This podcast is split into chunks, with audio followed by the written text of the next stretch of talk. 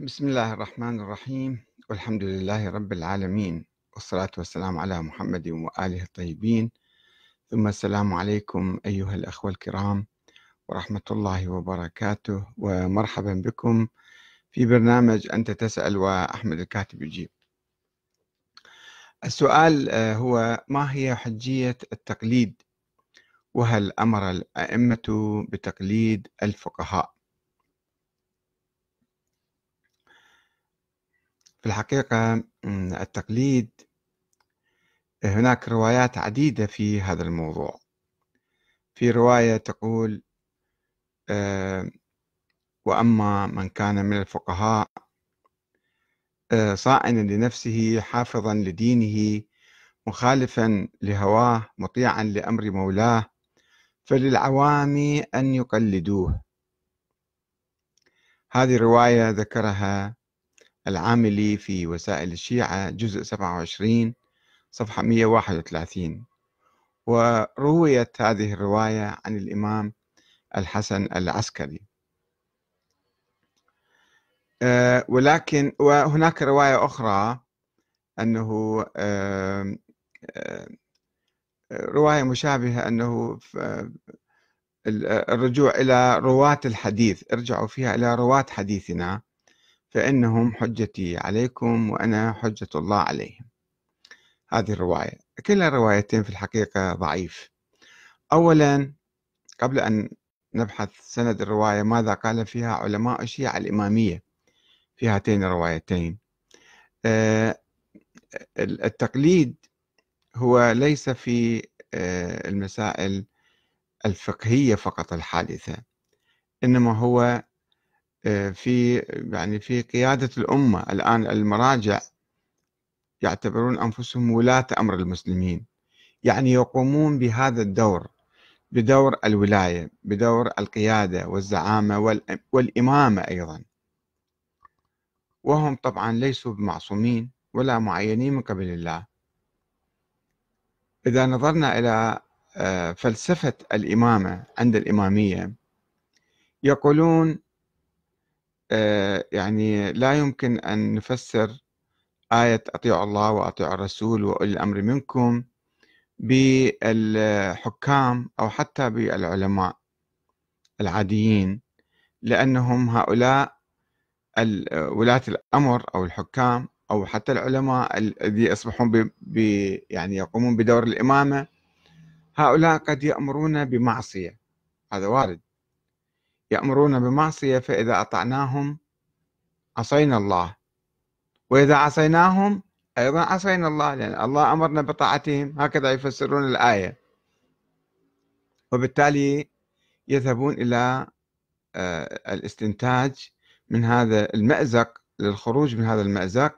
يقولون أن الإمام أو المرجع يعني أو الحاكم الأمير آه، يجب أن يكون معصوما حتى لا يأمر بمعصية.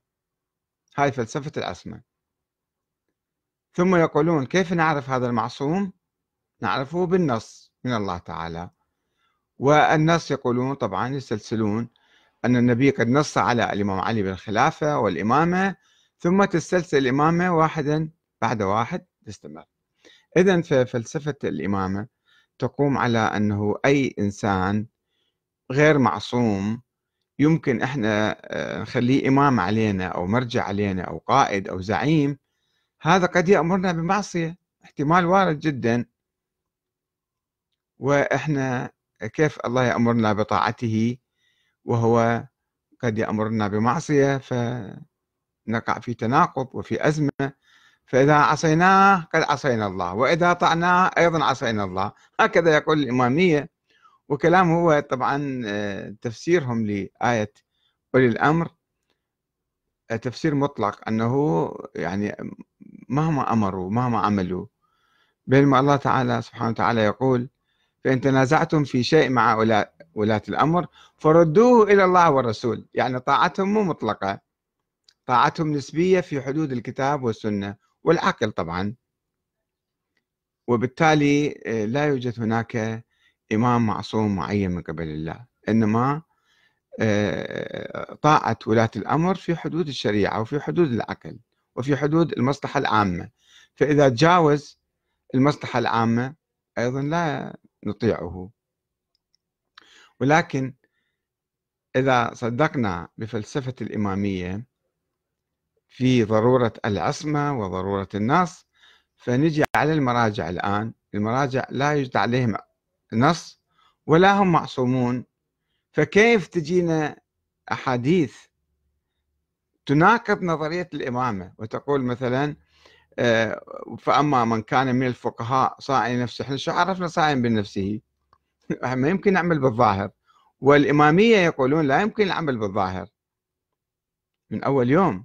صائم نفسي حافظا لديني مخالفا لهواني شو هاي دعاية والإعلام يمكن تصنع من واحد روحوا شوفوا الآن كل المشايخ والعلماء في العالم الإسلامي أتباعهم وأنصارهم واللي يحطوهم أيضا يحطوهم يحيطوهم بهالة من التقديس والتعظيم والورع والتقوى وهؤلاء يجب أن نسمع كلامهم.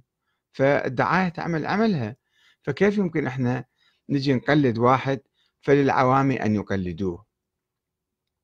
يقلدوه في ماذا؟ في المسائل الفقهية قد يكون أيضا هو مخطئ فيها. بظنه عامل مشتبه بهواه يمكن عنده هوى متناقض وكثيرا ما نشوف. حتى فقهاء الشيعة كثير منهم أو بعضهم على الأقل واحد يفسق الآخر.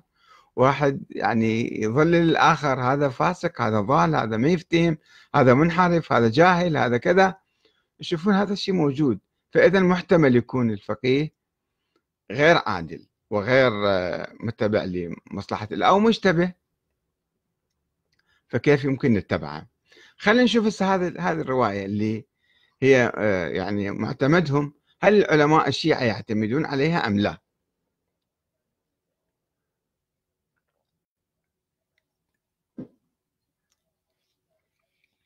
نفس الحر العاملي اللي ذكر هاي الرواية في وسائل الشيعة يقول في جزء 18 صفحة 94 و 95 بعد نقله لهذه الرواية يقول أقول التقليد المرخص فيه هنا إنما هو قبول الرواية لا قبول الرأي والاجتهاد والظن.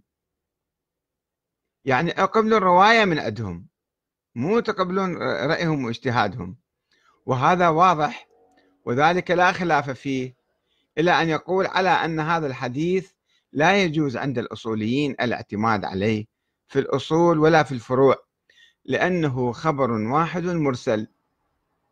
خبر واحد. ومرسل ما في سند متصل يعني. ظني السند والمتن ضعيفا عندهم ومعارضه متواتر قطعي السند والدلالة. ومع ذلك يحتمل الحمل على تقية. والحر العاملي كان يعني يميل للأخباريين أيضا. خلينا نجي نشوف الإمام الخميني ماذا يقول. في كتاب الاجتهاد والتقليد صفحة 97 يقول بعد كلام طويل في إثبات ونفي حجية هذه الرواية يناقش يعني كل الأدلة يقول ما ترى في الرواية مع ضعفها سندا واغتشاشها متنا لا تصلح للحجية هذه ما يمكن واحد يعتمد عليها كأساس للتقليد. سيد محمد الصدر في كتاب تاريخ الغيبة الصغرى صفحة 197 يقول فكان عليه السلام يدرس الطالب بحسب ما يراه مناسبا مع فهمه وكان الطالب يتلقى عنه ويكتب ما يفهمه منه ومن هنا جاء مستوى التفسير منخفضا عن مستوى الإمام بكثير على أن روايته ضعيفة ولا تصلح للإثبات التاريخي. السيد الخوئي ماذا يقول في كتابه الاجتهاد والتقليد صفحة 81 أيضا بعد آه، مناقشة الآراء المختلفة يقول ثم إن التكلم في مفهوم التقليد شنو هو التقليد وكيف يكون التقليد؟ لا يكاد أن يترتب عليه ثمرة فقهية. اللهم إلا في النذر أو في النذر وذلك لعدم وروده في شيء من الروايات. التقليد ما عندنا ما هو مفهوم بالروايات الأئمة. روحوا قلدوا العلماء. آه نعم ورد في رواية الإحتجاج مال الطبرسي فأما من كان من الفقهاء صائلا لنفسه حافظا لدينه مخالفا على هواه مطيعا لأمر مولاه إلى آخر الآية الحديث فللعوام أن يقلدوه إلا أنها رواية مرسلة غير قابلة للاعتماد عليها. وصاحب الاحتجاج الطبرسي كان في القرن السادس أو السابع. واحد متأخر وذاك الوقت كان صار عندنا فقهاء. وقال السيد الخوئي بعد ذلك في صفحة 221 أن الرواية ضعيفة السند لأن التفسير المنسوب للعسكري عليه السلام لم يثبت بطريق قابل للاعتماد عليه. فإن في طريقه جملة من المجاهيل. أصلا كل التفسير هذا التفسير العسكري. وجايين ناس آخرين حاطين في الكتاب يعني ما هو كتاب ضعيف ومجهول كل واحد يجي يحط به ما يشاء. مصطلح الفقهاء ما كان معروف في زمن العسكري ولا في زمن آه، مصطلح الرواة. الرواية اللي رويها الشيخ الصدوق في القرن الرابع يقول يعني آه، فارجعوا فيها إلى رواة حديثنا. الرواة أخباريين كانوا مرحلة أخبارية والأخبارية مرحلة قبل ما يصير عندنا فقهاء ومجتهدين. لأن فتح باب الاجتهاد في القرن الخامس الهجري. فإذا هاي الرواية الحسن العسكري قبل 200 سنة كيف يقول أنه ذول الفقهاء روحوا قلدوهم؟ وبالتالي فالعوام أن يقلدوه. أي واحد كان هذا يتنافى مع نظرية الإمامة. فشلون إحنا مسوين في الإمامة جديدة. نظرية إمامية جديدة لا تشترط العصمة ولا تشترط النص ولا تشترط السلالة العلوية الحسينية. طيب الآن يجون بعض الأخوة يقولون أنه آه، التقليد عقلي. يقوم على العقل عمل العقلاء. العقلاء المريض يروح للطبيب. الجاهل يروح للعالم. هذا شيء عقلائي وطبيعي. نقول لهم هذا صحيح مبدئيا صحيح. يعني الناس يرجعون إلى أهل الخبرة. ولكن القياس مو صحيح. الطبيب متبحر في علم الطب والإنسان المريض لما يروح للطبيب ما يعرف هو شنو نفسه بيه شنو مرضه منين جاي شنو علاجه. فالطبيب يعرف يقول له ذلك. أما في الدين الدين الإسلامي واضح وثابت سواء في القرآن الكريم أو في آه، تفسير النبي لبعض الأحكام. والحلال بين والحرام بين وأشياء واضحة بديهية والعقائد أيضا واضحة. فإذا في العقيدة لا يجوز التقليد أولا. وفي ضروريات الدين لا يجوز التقليد. نجي وين؟ نجي بعض المسائل الحادثة اللي فيها التباس. مثل الربا في البنوك مثلا فوائد البنوك. هذا ما كان عندنا بنوك سابقا. وفي حالة جديدة يعني وضع جديد أنه هذه فوائد البنوك. بأي نسبة حلال بأي نسبة حرام أو كلها حرام أو كلها حلال كيف تكون كيف يكون التعامل مع البنوك؟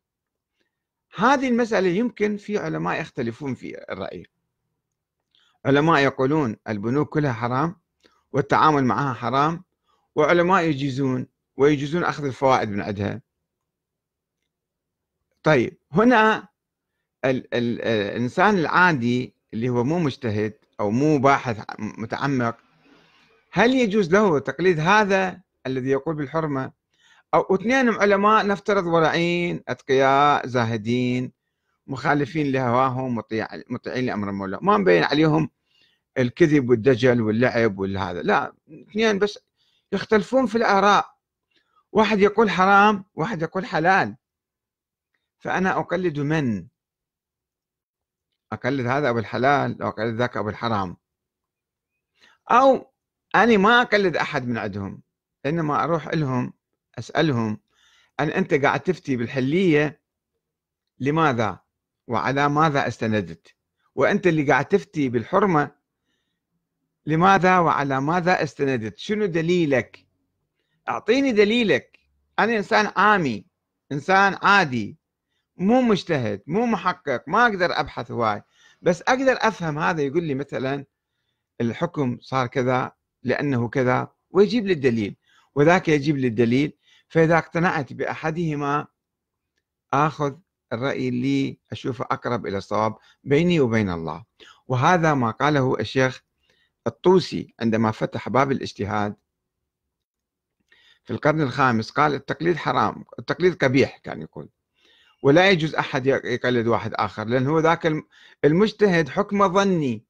هو عامل بالظن ما عنده يعني آية قطعية من القرآن وحكم صريح. هو مستخدم بعض المفاهيم وما واصل إلها فأنا يقول الناس على كل إنسان أن يجتهد. الشيخ الطوسي كان يقول يجب على كل إنسان أن يجتهد سواء في العقائد أو في الفروع في الفقه.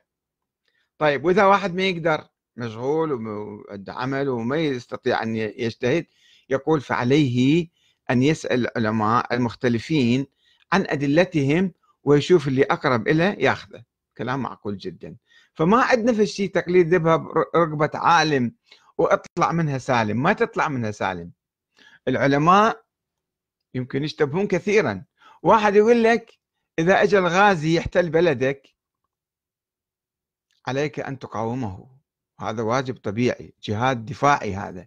يجب على كل إنسان ما يحتاج يسأل أي واحد يجب أن يقاوم المعتدي الغازي المحتل. وعالم آخر تقي ورع زاهد قاعد ببيت إيجار ومسكين وأصلا ما ي... ما عنده شغل ويا الدنيا. يقول لك لا لا لا لا تقاوم المحتل ورحب به واعتبره ضيفك. زين أنت شلون تقلد؟ تقلد هذا ولا تقلد ذاك؟ تقليد أعمى. يجوز تقلد تقليد أعمى؟ يعني ال... أنت شوف قل له أنت ليش قاعد تفتي هاي الفتوى؟ ليش قاعد تفتي بعدم بالترحيب بالغزاة المحتلين وعدم مقاومتهم؟ لماذا؟ أعطيني رأيك أعطيني دليلك. يقول لك مثلا لا جهاد في عصر الغيبة. يقول لا جهاد ابتدائي مثلا افتهمنا وسلمنا بس الجهاد الدفاعي الدفاع عن بلدك عن عرضك عن مالك عن شرفك عن وطنك عن استقلالك هذا ما يحتاج فتوى. هذا طبيعي في كل العالم العقلاء كلهم هكذا يقولون. حتى هم المحتلين نفسهم إذا واحد غزاهم في بلدهم ما يقبلون أو تدخل في شؤونهم ما يقبلون مو يغزوهم. يتدخل في الانتخابات ما يقبلون يعتبرون جريمة كبرى هذه. فشلون أنت مثلا محتل جاي إلى بلدك وساكت وما تحكي وتقول أهلا وسهلا بهم ورحبوا فيهم وتعاونوا وياهم؟ فهنا يعني على أي إنسان ما يجوز له التقليد في هذه المسألة عليه هو أن ينظر إلى كتاب الله وإلى الأحكام الأولية العرفية العقلية ويعمل بها. لا يقلد أحد التقليد لأن المجتهد قد يخطئ. إذا مو متعمد سهوا يخطئ. وفي مسائل كثيرة شوفوا المجتهدين يبتعدون عن حكم الله تعالى عن القرآن الكريم عن العقل عن مسائل كثيرة. لا أريد أن أذكرها الآن بالتفصيل وقد تحدثت عنها كثيرا. ف هنا اذا التقليد مو مثل رجوع الإنسان المريض إلى الطبيب. لا الطبيب يثق فيه. وإذا حتى الطبيب إذا شفته أعطاك دواء مرة مرتين ما فادك تقول هذا طبيب ما يفتهم. أروح طبيب آخر. وإذا قال لك مثلا أنت شوية راسك يوجعك يقول لك لازم نقطع إيديك أو نقطع رجلك. شنو ربط هذا العلاج مالك بهالمرض البسيط؟ فعقلك أيضا تتحكم فيه أنت. تقول له هذا مو معقول كلامك شلون بسرعة أقوم أسوي عملية مثلا؟ أروح أسأل طبيب واحد آخر أفهم من عنده أعلى من عنده.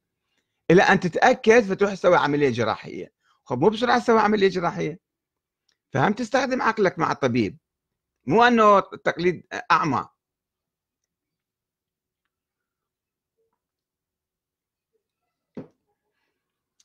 آه، المشكلة أنه صار عندنا ماسجين بين, شيء بين شيئين بين القيادة وبين المسائل الفقهية. في المسائل الفقهية يجب أن نسأل العلماء أنه عن أدلتهم عن أدلتهم في أي مسألة خلافية إذا مسألة جديدة إذا مسائل مثل صلاة الجمعة الله يقول لك صلاة الجمعة واجبة وكل العلماء كل المسلمين مجمعين على وجوب صلاة الجمعة. يجيك واحد يقول لك أنا صاير مجتهد. وصلاة الجمعة مو واجبة مكروهة أو حرام أو مخير بين الظهرين أو الظهر أفضل. هاي الفتاوى الموجودة بين عدد من العلماء. هذول قاعد يفتون بغير ما أنزل الله. فأنت كمسلم تتبع القرآن وتقول له أنت شلون قاعد تفتي ضد القرآن؟ ما يجوز لك تقلد أصلا حرام التقليد في هاي المسألة. في المسائل البديهية الواضحة.